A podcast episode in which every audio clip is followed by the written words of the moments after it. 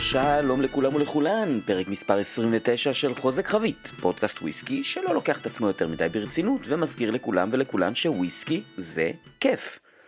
אחרי שני פרקים רצופים עם ראיונות, יש לנו היום פרק רגיל עם כל הפינות, ואני כבר אומר לכם שבפינת המונח יש איזה דילוג שאני אסביר בהמשך, אה, והיא תעסוק בשלב בו הוויסקי סיים כבר את ההתיישנות. בפינת החדשות יש לנו עשרה אייטמים, לא פחות. ובפינת ההיסטוריה נדבר על מזקקה אירית קטנה, די חדשה, שאני הכרתי לראשונה ב-2017 דווקא דרך הג'ין שלה, ושמדי פעם מגיעים בקבוקים שלה לארץ, ואני גם הולך לטעום ארבעה מהם בפינת עומף תואם, אבל לפני כל זה יש לי כמה דברים שאני רוצה לומר. ראשית, תודה לכל המשתתפים בסדנת בלמנח ביום חמישי, לא האחרון, זה שלפניו. היה מעניין, היה כיף, היו הרבה חילוקי דעות על מה הכי טעים, שזה רק הופך את הסדנה לטובה יותר בעיניי. וגם תודה לכל הנרשמים לסדנת קילחומן הבאה שקורית ב-19 לחודש. אה, הסדנה כבר מלאה והולך להיות טעים מאוד. דבר נוסף, קיבלתי מלא פידבק מאוד חיובי על שני הפרקים האחרונים, בהם ראיינתי את ניתאי מורגנשטרן ממזקקת ירושלמי ואת דיוויד לינד מ Loch Lomond Group. אני מבין שזה משהו שהרבה מאזינים ומאזינות אוהבים, ואני מבטיח שיהיו יותר פרקים כאלו. כבר יש לי שני מרואיינים על הכוונת שאתם תשמעו בפרקים הקרובים.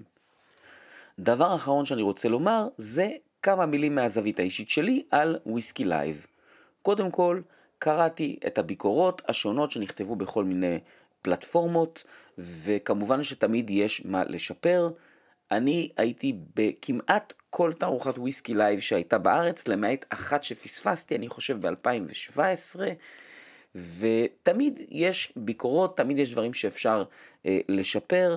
אה, אני גם מציין שאני מעולם לא הלכתי למתחם הפרימיום, אלא רק למתחמים הרגילים, אז לשם אני אה, כמובן לא אתייחס.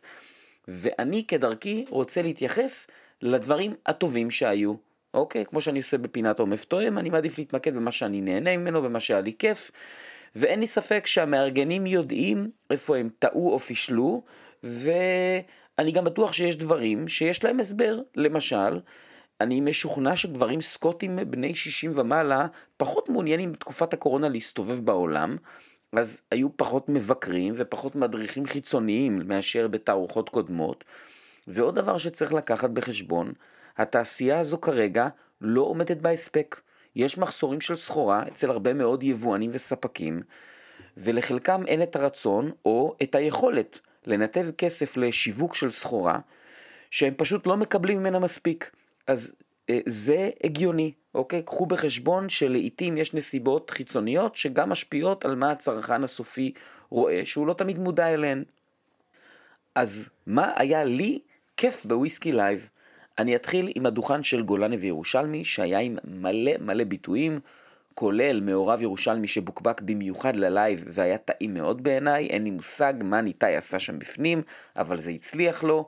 וגם הברבן שדייוויד סיבל מעורב בייצור שלו, שלמרות שאני לא כל כך חובב אה, וויסקי אמריקאי, כמו שאמרתי לא פעם, הוא היה מוצלח.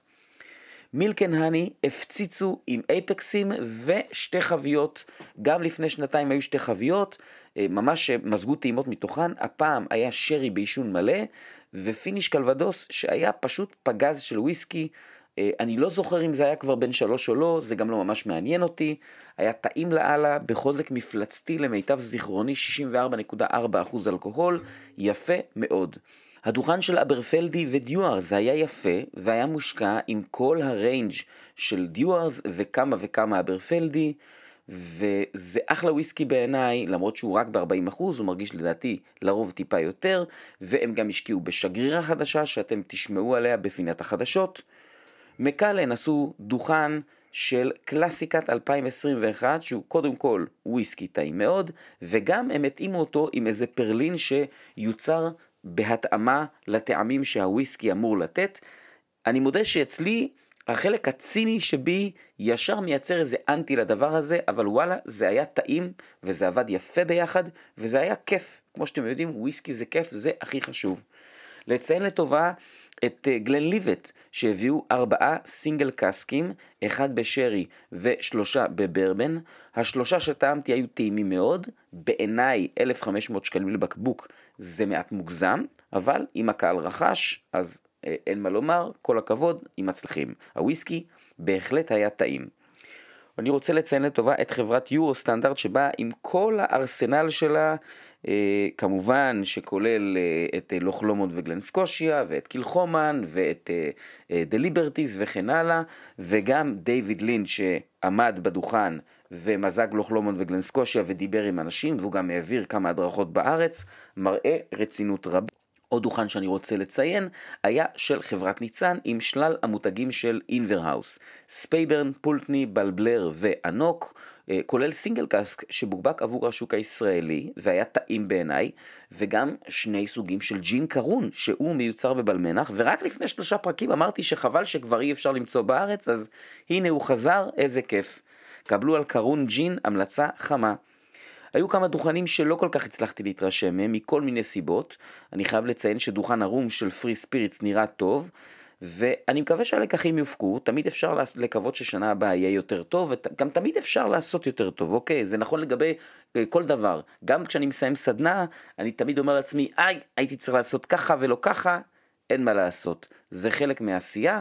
ומי יודע, אולי ב Live הבא יהיה דוכן של חוזק חבית עם הקלטה live, עם מציגים ומבקרים.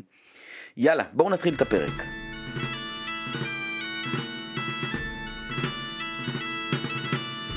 אז מבחינת סדר כרונולוגי, היום בפינת המונח אני צריך להתחיל לדבר על מה קורה בזמן היישון.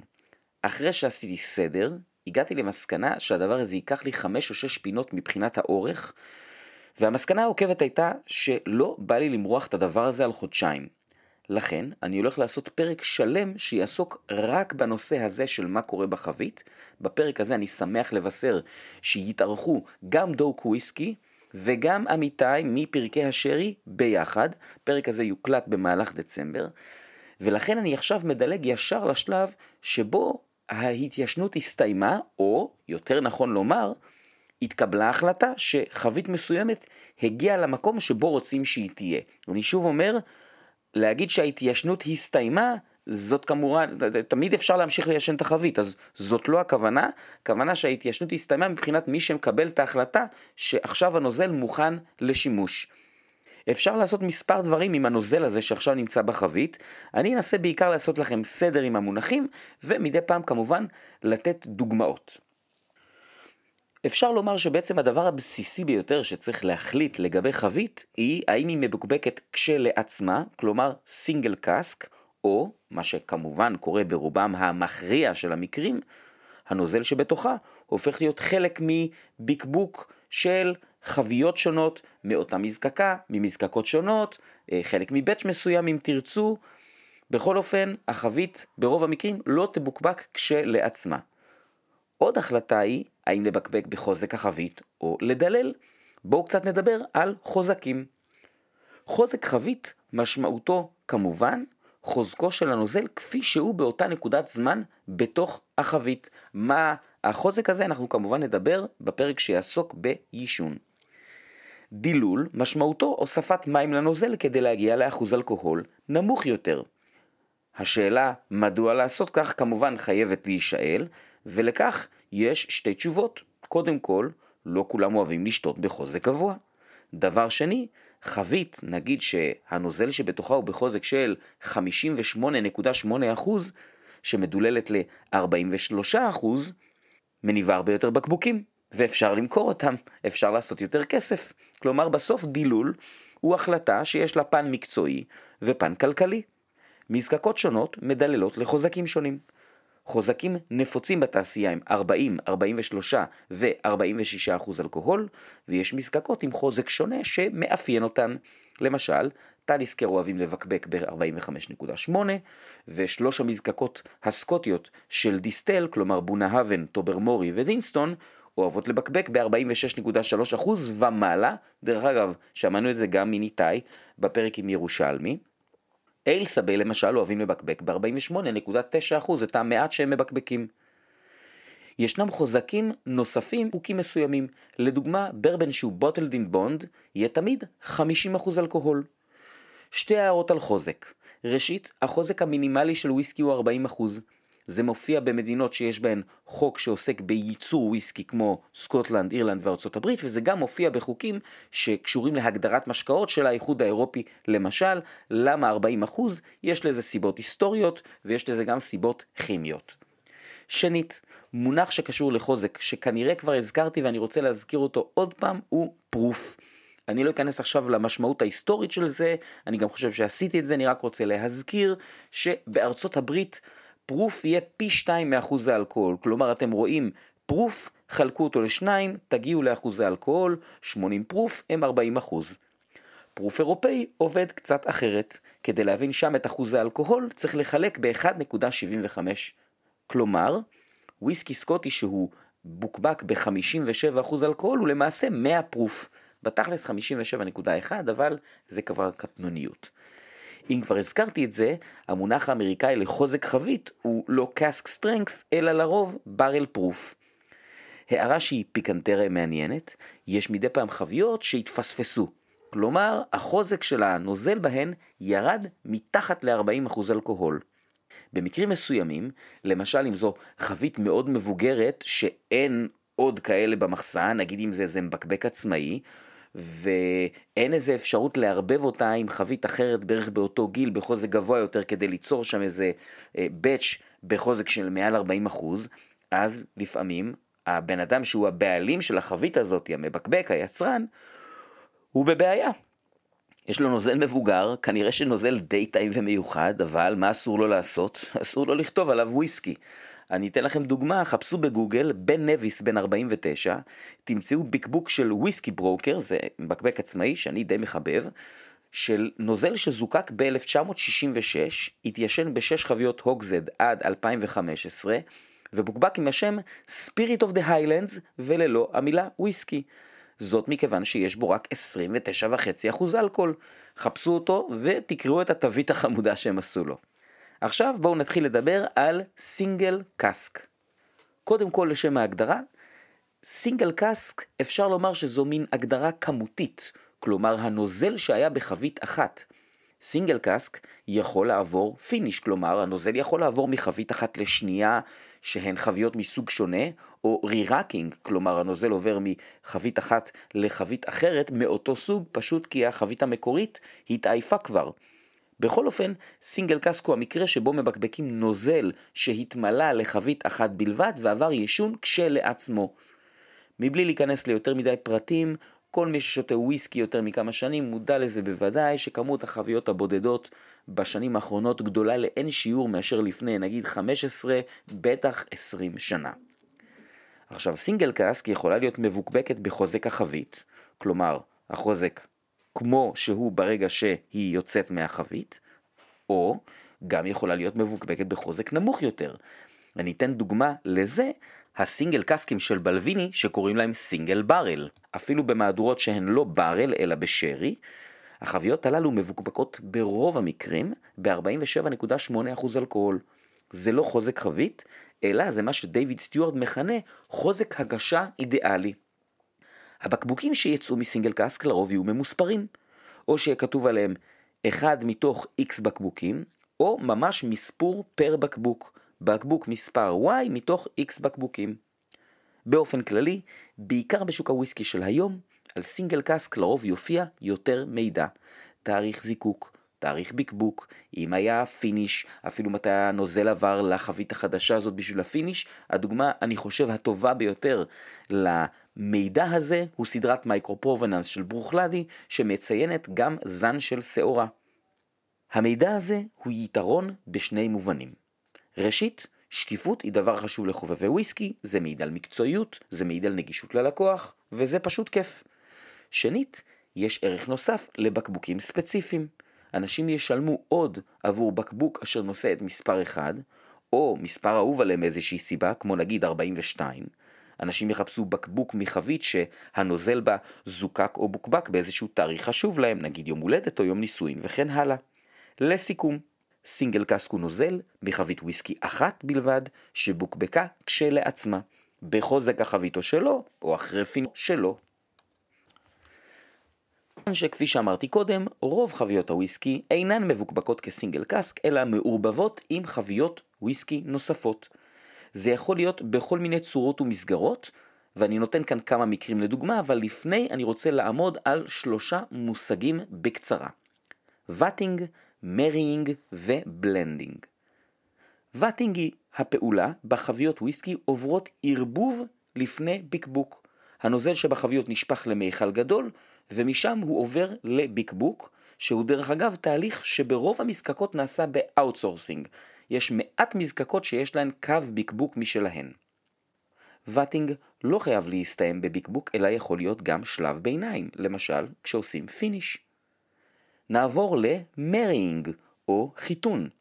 זו פעולה שבה וויסקי מחביות שונות, של אותה מזקקה או שלא, עובר תקופה נוספת בחביות כדי להגיע לאיזון טעמים. כאן מדובר בתקופה ארוכה יותר. ג'ון גלייזר מ Compass Box מספר שקרא בספרים שנכתבו על ייצור וויסקי מהמאה ה-19 ש marrying של שלושה עד שישה חודשים לפחות הוא חשוב מאוד כדי לייצר איזון בטעמים של blended Scotch. blending היא הפעולה בה מייצרים את המתכון של הוויסקי. כלומר, כשטועמים ומחליטים אילו חביות, באילו גילאים וכן הלאה, ירכיבו את המוצר הסופי. זה קורה בבלנדים, וזה גם קורה ב single malt, במטרה לייצר את אותו טעם בכל פעם. ההבדל כמובן במקור החביות, single malt או single grain יהיו מאותה מזקקה, בלנדים ממזקקות שונות. אז אם לסכם בפשטות, vatting הוא תהליך קצר שמתרחש במיכל, marrying הוא תהליך ארוך שמתרחש בחביות, ו blending היא העבודה של ה master blender שאחריה עושים את אחד משני הצעדים האלה, או שניהם גם יחד. בואו ניקח כמה דוגמאות. נתחיל עם Balvenie 12 DoubleWood, ה Balvenie המוכר ביותר, ולעניות דעתי גם וויסקי טעים. כאשר מייצרים batch של Balvenie 12, ה batch הוא למעשה vatting של 300 חביות ex bourbon במיכל, והעברת כל הנוזל מהמיכל לחביות ex sherry ל finish של כתשעה חודשים. לאחר מכן שוב נעשה vatting של הנוזל שעבר את ה finish, ואז הוא עובר לדילול ובקבוק. אז יש לנו כאן single malt שעובר finish, וכדי ליצור טעם אחיד ותהליך יעיל, אוספים את הנוזל יחד, מחלקים שוב לחביות ל finish, ושוב מאחדים.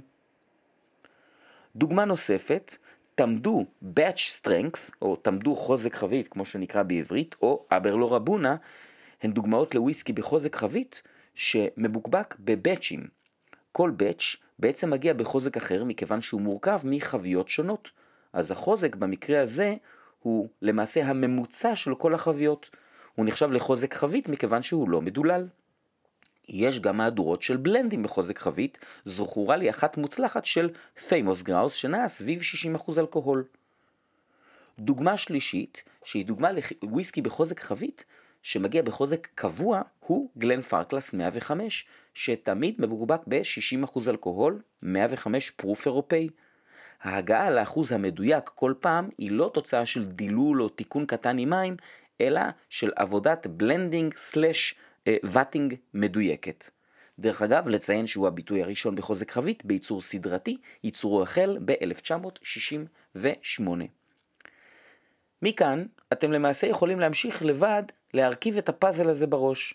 blended מלטים, blended Scotch, אחוזי אלכוהול שונים וכן הלאה. הערה קטנה לסיום, עבודת blending היא הרבה יותר מסובכת ממה שנראה. רק תחשבו על לייצר batch של Johnnie Walker Black Label שמורכב מ-20, 30 או אפילו יותר סינגל מלטים שונים וכמובן grain whisky והוא צריך להגיע לאיזשהו טעם שהוא כבר טעם קיים ומוכר. זו אינה עבודה פשוטה בכלל. את ההתנסות הקצרה שלי עם blending עשיתי בשתי תחרויות של Compass Box ב-2019, הארצית והעולמית, ותאמינו לי, חצי אחוז Laphroaig וגם שלושה אחוז grain whisky, במקרה ההוא מ Cameronbridge, יכולים לשנות טעמים של blend לחלוטין. אם זה מעניין אתכם, היכנסו לאתר של Compass Box, בחרו את אחד מהמוצרים השונים שלהם, וקראו את דף המוצר. יש שם פירוט של ההרכב באחוזים, כולל פירוט של סוגי החביות של כל הבקבוקים שלהם, ואתם גם יכולים לראות שחלק מהמוצרים מבוקבקים ב-43%, למשל הבלנדים הפשוטים. ה core range של ה blended מלטים מבוקבק ב-46%, וחלק ניכר מהבקבוקים המיוחדים שלהם יהיו ב-48.9%. ואלו כאמור בחירות מקצועיות וגם כלכליות. אז זהו, דיברנו קצת על מה קורה כשתהליך ההתיישנות מסתיים, ואנחנו נחזור לתהליך ההתיישנות עצמו בהמשך, ובואו נעבור לפינת החדשות.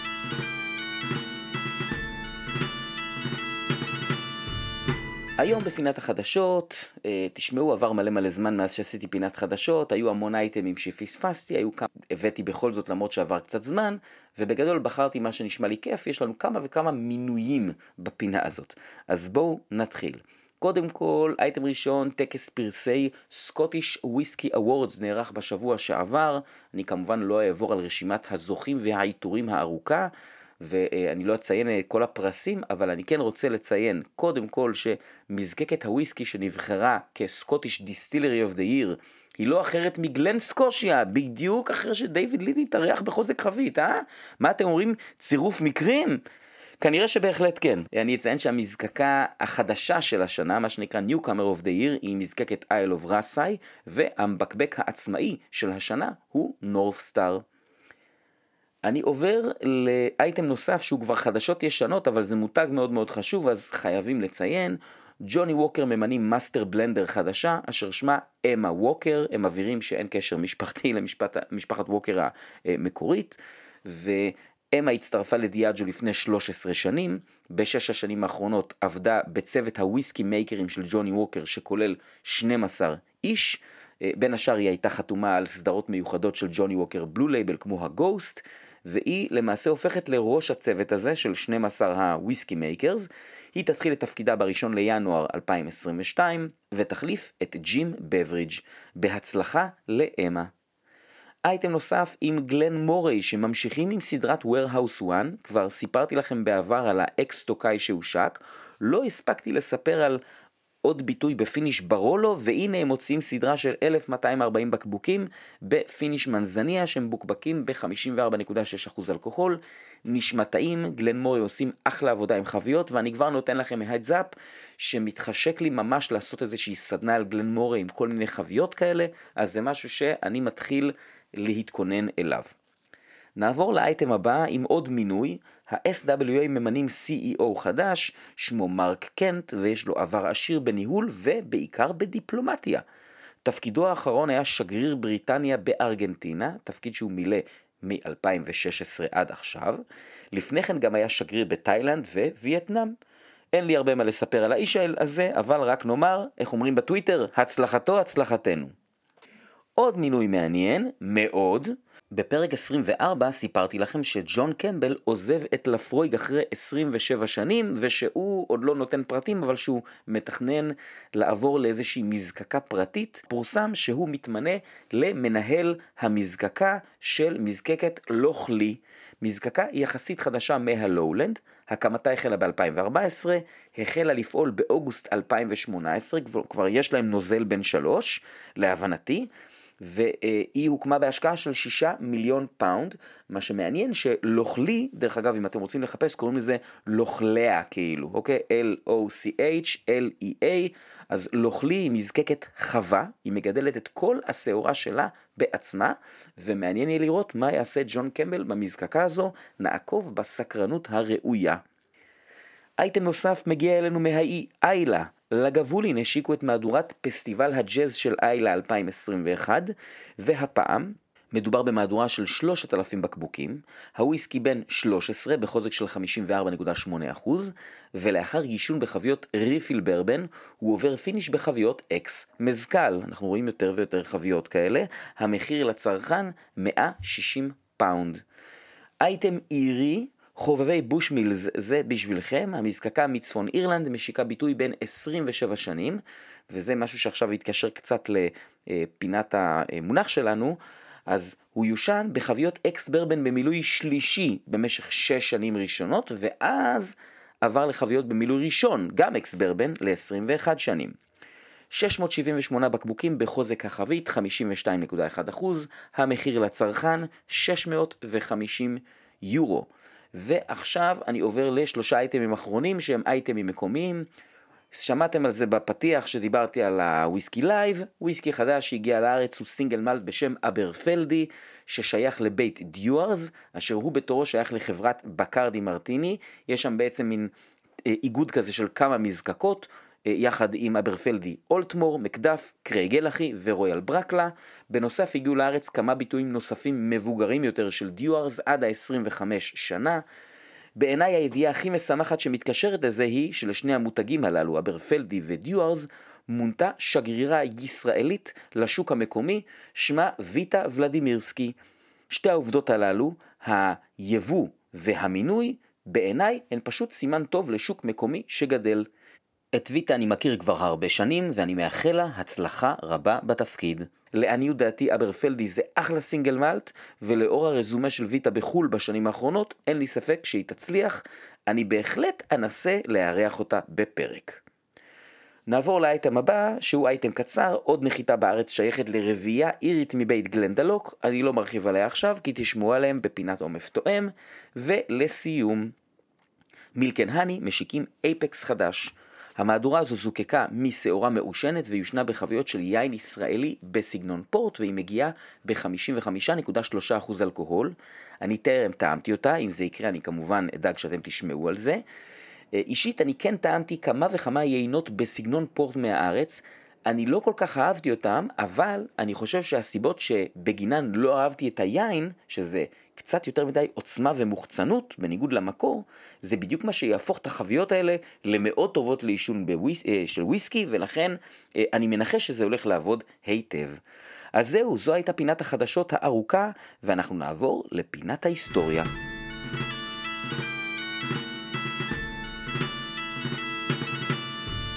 היום בפינת ההיסטוריה אני עושה בעצם הקדמה לפינת עומף תואם, וזה משהו שעשיתי כבר כמה פעמים, ובפעמים האלה ששילבתי בין הפינות וטעמתי וויסקי של מזקקה שסיפרתי עליה בפינת ההיסטוריה, קיבלתי פידבקים טובים מהמאזינים, למשל עשיתי את זה עם גלן גוין, אז אה, נראה שאתם אוהבים את זה, ואם כן אני אשמח לשמוע על זה ולעשות את זה יותר.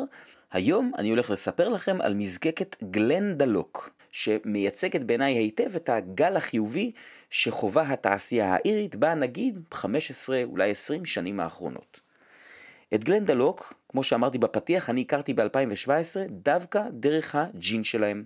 הייתי בדבלין אחרי טיול לטול מורדיו שאתם שמעתם עליו באחד מהפרקים האחרונים, וביקשתי מאיזה ברמן ג'ין אירי. טעמתי ארבעה ג'ינים אירים שהיו לו על הדיספליי באותו ערב, השניים שהכי אהבתי היו גן פאודר שגם אפשר למצוא בארץ, וג'ין בבקבוק חצי ליטר, שהיה רשום עליו בכתב יד שהוא אחד מ-500 בקבוקים של מהדורת אביב 2016 של מזקקת גלנדלוק. שאלתי את הברמן מה, מה הסיפור, מה זה הדבר הזה, הוא אמר לי שמדובר במזקקה שמייצרת וויסקי, ג'ין עונתי ומשקה שנקרא פוצ'ין שהוא מין נקרא לזה סוג של מונשיין אירי כזה. תזקיק לא מיושן. אז גלנדלוק הוקמה במחוז ויקלו באירלנד, זה בערך שעה נסיעה מדרום לדבלין. המחוז הזה הוא פיסת טבע יפהפייה, והוא מכונה The Garden of Ireland, אוקיי? הגינה או הגן של אירלנד, כן? שזאת גם ככה מדינה די ירוקה כשלעצמה, אז אם הם קוראים לו ככה, אתם יכולים לדמיין או פשוט לראות סרטונים ותמונות, זה באמת נראה כמו מקום יפהפה. במחוז הזה יש עמק עם שני אגמים, והשם של העמק הזה הוא גלנדלוק. גלן עמק, דה שניים, לוק זה בעצם כמו בגלית סקוטית לוך. בגלית אירית אומרים לוק. אז גלנדלוק הוא עמק שני האגמים. המזקקה הזו הוקמה על ידי חמישה חברים חובבי וויסקי אירי מדבלין, שלפי מה שמסופר לא היו בעלי ניסיון או רקע בתעשיית הוויסקי או אלכוהול בכלל, והשם שתמיד מוזכר מבין החמישה, שהוא אה, מה שנקרא החבר המוביל, הוא בחור בשם ברי גלגר. הסמל של המזקקה הוא סיינט קווין, קווין הקדוש, שיש לסיפור שלו איזושהי מקבילות כלשהי לסיפור של מקימי המזקקה. בקצרה, Saint Kevin, אה, סליחה לפני שאני מתחיל אני רק מציין, אני מאוד מאוד מאוד מתעניין בדת הנוצרית, אני מאוד אוהב סיפורי קדושים נוצרים, זה משהו שמרתק אותי, אז אם הדבר הזה לא מעניין אתכם, אני מתנצל. Saint Kevin נולד למשפחה אמידה אה, כנראה בסוף המאה החמישית, אולי בתחילת המאה השישית באירלנד. בגיל 20 פחות או יותר הוא עזב ונדד דרומה לאזור שהוא היום מחוז ויקלו. ובעצם חי בטבע בגפו שבע שנים, והסיפורים עליו כוללים הרבה מוטיבים נוצריים חזקים של מה שנקרא הרמיט, נזיר מתבודד. אה, שינה במערה, יש שם עד היום מערה שנקראת סנט קווינס בד, ואכילה מועטה, וקשר חזק עם החיות ועם הטבע, בעיקר עם ציפורים וכן הלאה. שמו יצא למרחוק כקדוש וכאדם חכם, ואחד הסיפורים עליו הוא המקור בעצם לתווית שעל אה, בקבוקי הוויסקי והפוצ'ין של המזקקה, זה גם מקור לכל מיני אה, שירים וציורים. מספרים שקווין היה עומד באחד מהאגמים בגלנדלוק עם המים עד גובה המותניים. הידיים נשואות לצדדים כשכפות הידיים אה, בעצם אה, אה, כלפי מעלה, כלפי השמיים, והוא היה פשוט עומד ככה ומבלה ימים ארוכים בלי תנועה, במין טראנס או מצב מדיטטיבי כזה. והשלווה הזו גרמה לאיזושהי ציפור פשוט לבנות באחד מכפות הידיים שלו קן ולהטיל בו ביצים. והסיפור הוא שקווין לא זז עד שהביצים בקעו והגוזלים יצאו מהן. אז אה, הסיפור הזה מוכר כ Saint Kevin and the Blackbird, אתם יכולים לחפש על זה, יש על זה הרבה הרבה ציורים אה, יפים. אה, בסופו של דבר Saint Kevin סיים את ההתבודדות, אה, יצא למסעות, חזר לגלנדלוק, בנה שם מנזר שאומרים שהשרידים שלו עודם אה, עומדים שם היום, זאת אומרת יש שם שרידים של מנזר, מייחסים אותו אליו, ובכל אופן הוכר כקדוש נוצרי על ידי האפיפיור פיוס העשירי ב-1903. באיזשהו מקום, כל הסיפור הזה שסיפרתי עכשיו, שכנראה רק אותי הוא מעניין, אז uh, הסיפור הזה בעצם קצת מקביל לחבר'ה שהקימו את המזקקה. גם הם עזבו את החיים הקיימים שלהם, את העבודה, והלכו לגלנדלוק ויצרו משהו חדש. עכשיו לגלנדלוק יש מגוון בקבוקים שהוא לא גדול, אבל משנת 2018 הוא הולך וגדל, גם בוויסקי וגם בג'ין. וכמו הרבה מזקקות איריות, והזכרתי למשל את Teeling בהקשר הזה בעבר, היא בקבקה גם וויסקי שיוצר עבורם במזקקה אחרת, סביר להניח Cooley. אפשר לראות את זה נגיד ב Glendalough בן 18 או בן 25, מן הסתם הוא לא יוצר שם במזקקה. כפי שהזכרתי, זה משהו מאוד מאוד נפוץ בתעשיית הוויסקי האירי. והיא מייצרת בעצמה single grain בזיקוק רציף, ממשביל שעיקרו תירס ומיעוטו שעורה, בנוסף מיוצר גם פוט סטיל אייריש וויסקי, סגנון אירי מסורתי, דיברתי עליו בפינת מונח לפני כמה וכמה פרקים. ואחד הדברים המהנים בגלנדלוק הוא שימוש במגוון חביות שעובד ממש טוב עם הנוזל היחסית קליל שלהם, על חלק אתם תשמעו בפינת עומף תואם. אני קצת אספר על מה שלא, אה, למשל חביות של אלון שנקרא מיזונרה, שמעתם עליו ב, אה, אה, בעצם מאמיתי שדיברנו על Mongolian oak ועל עץ בכלל. עוד דבר מאוד מיוחד שאני עוד לא טעמתי ואני מאוד רוצה, זה חביות מעץ אלון אירי מהאזור של המזקקה, ויש להם מהדורה של single malt בן 7 ב-46% אלכוהול ב finish של חביות אקס בירה porter, מהדורה שיצאה פעמיים ב-2017 ו-2018. אם אתם מוצאים בביקור בחו"ל, אני ממש ממש ממליץ על האקס בירה porter הזה, ממש אחלה וויסקי. בנוסף, כפי שציינתי, הם מייצרים מספר סוגים של ג'ין, כולם טעימים בעיניי. בארץ תוכלו למצוא את הבוטניקל ג'ין, ה, אני עושה את זה במרכאות הרגיל, ואת הרוז ג'ין, שחלק מהטיבול שלו הוא עלי ורדים.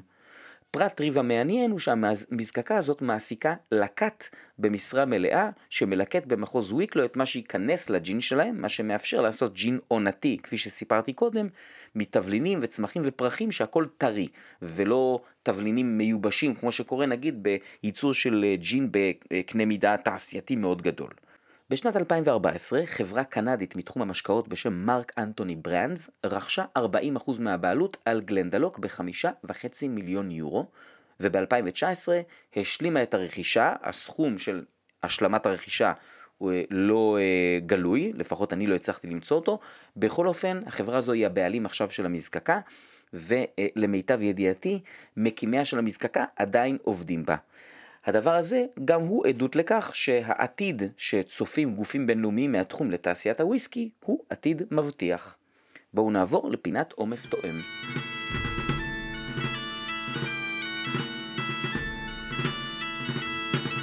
אז היום בפינת עומף תואם, ארבעה גלנדלוק שנחתו בארץ ממש ממש עכשיו. אני מתחיל עם ה Glendalough Double Barrel. תעודת זהות single grain, בן ארבע, מיושן שלוש וחצי שנים בחביות ex bourbon, ועובר ל finish של חצי שנה בשרי אולורוסו. 42 אחוזי אלכוהול, מחיר לצרכן 100 שקלים. מזיגה ראשונה, האף קליל ומאוד הדרי, יש פה ניחוחות גם של תפוז וגם של מנדרינה, ומשהו שמזכיר מין תערובת תבלינים כזאת, כמו ששמים ביין חם. יש מתקתקות שכנראה מגיעה מחומר הגלם, בחך הוא קליל, גילו הצעיר מורגש, והשרי בא לידי ביטוי כמו מסגרת כזאת עם קרמל ומעט תפוז. הסיומת מעט מרירה, בקטע שמזכיר שקדים, מעט מתובלת ויחסית לקלילות, ארוכה משחשבתי שהיא תהיה. לטעמי היא הייתה מרירה מדי ביחס לקלילות הכללית. אחרי 20 דקות, האף נפתח, השרי מעט יותר מורגש אבל עדיין קליל, יש כאן אלמנט יותר מתקתק שלא היה קודם, בפה השרי גם מורגש יותר בצורה משמעותית. ההדריות קיבלה טוויסט מריר ונעים. יש טעמים אגוזיים ומעט שקדים, עדין וכיפי. המרירות באפטר ירדה בצורה משמעותית והוויסקי התאזן והוא פשוט טעים. ה after מעט התקצר. שורה תחתונה, קליל וטעים, וויסקי מתחילים טוב, תמורה נהדרת למחיר בשביל 100 שקל, והוכחה שגם וויסקי בן 4 בזיקוק רציף, לפעמים צריך איזה 20 דקות בכוס. נעבור לטעימה השנייה, Glendalough קלבדוס XO finish. תעודת זהות single grain בן 4, חבית בודדה, שלוש שנים ex bourbon, ואז שנה נוספת בחבית אקס קלבדוס XO, כלומר, חבית מעץ אלון צרפתי, שהיה בקלבדוס שש שנים. 42% אלכוהול, סך הכל 700 בקבוקים. מחיר לצרכן 160 שקלים. מזיגה ראשונה באף תפוחים, תפוחים ועוד תפוחים. יש ברקע את המתקתקות הזאת ומעט מהתבלינים שהיו ב Double Barrel, וה-DNA של המזקקה בהחלט מורגש. התפוחים מתוקים, אבל אין כאן עומס ואף מאוזן ודי עדין. בחך, הגוף מעט יותר מלא מהדאבל ברל, מתיקות של תפוחים היא בהחלט האירוע המרכזי בוויסקי הזה, האפטר היא יחסית קצר והוא הופך לתפוחי יבש, לא תפוחי מתוק כמו שהיה בהתחלה, אה, מעט מריר ומעט עצי. יש כאן מין ניגוד בין כמה שחבית הקלבדוס דומיננטית לבין כמה שהוויסקי קליל. אחרי 20 דקות, באף לא הרגשתי שינוי רב, בפה, החלק המריר שהיה באפטר בעצם מצטרף לתפוחים והוא נותן משקל נגד למתיקות. כלומר, מהאפטר הוא עבר למרכז הטעימה או מרכז הטעם, נקרא לזה ככה. הסיומת קיבלה טיבול טיפה חרפרף בקטע כיפי. לא קרה פה הרבה בזמן שעבר, אבל המעט שקרה, קרה לטובה. חבית הקלבדוס היא העניין כאן. שורה תחתונה, כיף של וויסקי, את חיבתי לחביות קלבדוס אתם בהחלט מכירים, הוא גם נהדר למתחילים, והוא גם נהדר למי שאוהב קלבדוס, ובוודאי מי שרוצה להתנסות עם חביות קלבדוס, שאין הרבה כאלה. החוויה פה מאוד מאוד תפוחית, ולדעתי זה גם יהיה אחלה digestif להגיש לאורחים, בלי להגיד להם מה יש להם בכוס. אני ממש לא בטוח שוויסקי יהיה הניחוש הראשון שלהם. נעבור לטעימה השלישית. Glendalough מדרה finish. תעודת זהות, single grain בן ארבע, חבית בודדה, שלוש שנים ב ex bourbon ואז שנה נוספת בחבית אקס מדרה canteiro. בלי להיכנס לחפירות על מדרה, שהוא אה, אה, יין שחלק מהתהליך הייצור שלו הוא חשיפה לחום, אז במדרה יש כמה אפשרויות, אה, נקרא לזה, לחשוף את היין לחום הזה.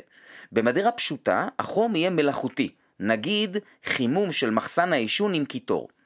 מדרה קנטרו אומר שהתהליך הזה הוא תהליך טבעי לחלוטין על ידי חום שמש, כלומר שזה תהליך שנעשה בלי זירוז, אם אתם מבינים למה אני מתכוון. יש 2% אלכוהול, סך הכל 480 בקבוקים, מחיר לצרכן 160 שקלים.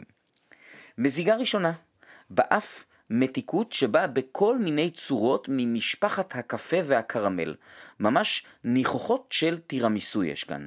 יש משהו באף שמרגיש קצת יותר אלכוהולי מהדאבל ברל והקלבדוס, בקטע טוב שמרמז על גוף יותר מלא. עכשיו אני עושה פה גילוי נאות, אני לא מת על חביות מדרה, אבל אני בהחלט יכול להעריך חבית מדרה טובה. וזאת בהחלט הריחה לי כאחת כזאת ממש מהרגע הראשון. לשמחתי, בפה אכן הגוף מלא יותר, זה עדיין סינגל גריין קליל אבל פחות מהשניים הקודמים, והטעמים מאוד מאוזנים. יש שילוב של מתוק מוקה כזה, עם קצת חמיצות ומעט מרירות של אבקת קקאו ושוקולד מריר. האפטר יותר ארוך ומאוד חם, וזה פשוט היה תירמיסו נוזלי, אין לי הרבה דרכים לתאר את הדבר הזה, זאת הדרך הכי טובה שיש. אחרי 20 דקות, האף הופך להיות עוד יותר חמים, ואני הולך לתת לכם תיאור של משהו סובייקטיבי, תסלחו לי, אתם יודעים שאני לא מת על זה, אני לא עושה את זה הרבה, אבל הדבר הזה הרגיש כמו בית קפה שהוא גם מאפייה, פשוט, פשוט ככה. צריך להריח את זה כדי להבין, ממש כמו בקלבדוס finish, הוויסקי פשוט מתמסר לחבית לחלוטין. בחך, החמיצות אחרי 20 דקות מעט התגברה, זה היה נחמד וזה גם היה לי קצת חסר בקלבדוס, כאן היא הוסיפה עוד מימד טעים, הסיומת מעט התייבשה ומעט התקצרה. שורה תחתונה, זה פשוט וויסקי נהדר. אם אתם אוהבים חביות מדרה, בעיניי זה פשוט בקבוק חובה. אין מלא ביטויים במדרה, בטח שמיובאים בצורה סדרתית לארץ, ובטח לא במחיר כזה, וגם שנותנים כזה ביטוי לחבית. זה וויסקי חורפי, מוצלח מאוד, אחלה קינוח. נעבור לטעימה הרביעית, Glendalough בורגונדי finish. תעודת זהות single grain בן 4, חבית בודדה, שלוש שנים ב ex bourbon ואז שנה נוספת בחבית אקס בורגונדי או אקס בורגון Grand Cru. גם כאן, בלי להיכנס לחפירות על יין, באזור בורגון בצרפת יש דירוג איכות של כרמים. Grand Cru זה הדירוג הגבוה ביותר בבורגון, למיטב ידיעתי פחות מ-2% מהכרמים קיבלו את הדירוג הזה. כלומר, החבית שבה הוויסקי הזה עבר finish היא חבית שהיה בה יין אדום מענבים מכרם שכזה. כלומר, בקצרה אומרים לנו חבר'ה בחרנו חבית איכותית. 42% אלכוהול, סך הכל 480 בקבוקים, מחיר לצרכן 160 שקלים. מזיגה ראשונה, האף ממש ייני, מעט חמצמץ, יש פה נגיעה קלה של גופרית, שאני יודע שלא כולם אוהבים, ואני מזכיר בפעם המיליארד שאני אוהב גופרית, ויש פה גם משהו שמזכיר קצת דובדבנים ומעט מתיקות של וניל. הגיל הצעיר והגרייניות כאן הם הכי ניכרים באף מבין כל הארבעה. בכך היעיניות מאוד ניכרת, יש חמיצות ויש יובש ויש משהו אדמתי, בעיקר ששמים את הוויסקי מתחת ללשון. האפטר גם אדמתי ודי קצר. חשוב לי לציין שהאדמתיות שאני מתייחס אליה פה היא במובן שמתכוונים אליו בעולם היין. כשאנחנו אומרים בוויסקי אדמתיות, אנחנו לרוב נזרקים לעולם אסוציאציות של נגיד בוץ או כבול או משהו צמחי, דיברתי על זה בהקשרים נגיד של קולעילה אה, כאלה ואחרים. אה, הוויסקי הזה דווקא לוקח אותנו לאדמתיות של יין, שזה משהו שיותר מזכיר אה, עלים יבשים, פטריות, דברים בסגנון הזה. אחרי 20 דקות, הנוטים הצעירים האלה שהיו באף נעלמו והוא מרגיש הרבה יותר הרמוני ומאוד מאוד ייני. יש פה גם חמיצות נעימה וגם מתיקות שמאזנת אותה, וזה ממש וויסקי לחובבי יין אדום בדגש על עולם ישן. בפה החמיצות מורגשת עכשיו מעט יותר, ממש כיפית, אני מזכיר כמובן שאני אוהב וויסקי חמוץ, לא כולם אוהבים, אני בהחלט כן, ויש פה טעמי יין בולטים וסיומת יבשה וחמימה. שורה תחתונה, זה האהוב עליי מבין הארבעה. אחלה חבית בורגון, אני רוצה לציין שכבר טעמתי פעמיים חביות אחרות של גלנדלוק בחביות של בורגון או בורגונדי, אפשר להגיד את זה ככה וככה. אה, זאת בהחלט הטעימה ביותר, והיא טעימה בצורה משמעותית יותר מהשתיים הקודמות שטעמתי. ודרך אגב זה גם נכון לגבי הדאבל ברל שהיה מוצלח משטעמתי בפעם הקודמת, עבורי זה אומר שהמזקקה הזו כנראה עושה התקדמות מבאץ' לבאץ'. לסיכום של כל הטעימה הזו, יש כאן ארבעה בקבוקים שהם פשוט אחלה וויסקי. נכון, זה גריין צעיר, הוא קליל והוא מעט קצר, אבל בגלל שמדובר בסינגל גריין, החביות כאן באות לידי ביטוי ממש ממש יפה, גם בגלל הקלילות של התזקיק, אבל גם בגלל שאם תחשבו על זה, ה finish תופס כאן חלק מאוד ניכר מהיישון. כלומר, שלוש חביות בודדות, ה finish הוא רבע מזמן היישון, וזה משמעותי. אם מכניסים לכאן את סוגיית המחיר, זה הרבה וויסקי לכסף שלכם, בטח עבור שלושה סוגי חביות שהם בהחלט פחות נפוצים. במחירים כאלה לא קיימים. אני אישית הכי נהניתי, כמו שאמרתי, מהבורגון, אבל יש לי תחושה שהמדרה והקלבדוס כנראה יהיו אהובים יותר על רוב התואמים. אז זהו, חברות וחברים, זה היה פרק מספר 29, אני מקווה ששמחתם ונהנתם והקשבתם, ושיהיה לכם טעים ושיהיה לכם כיף, כי וויסקי זה כיף. ביי!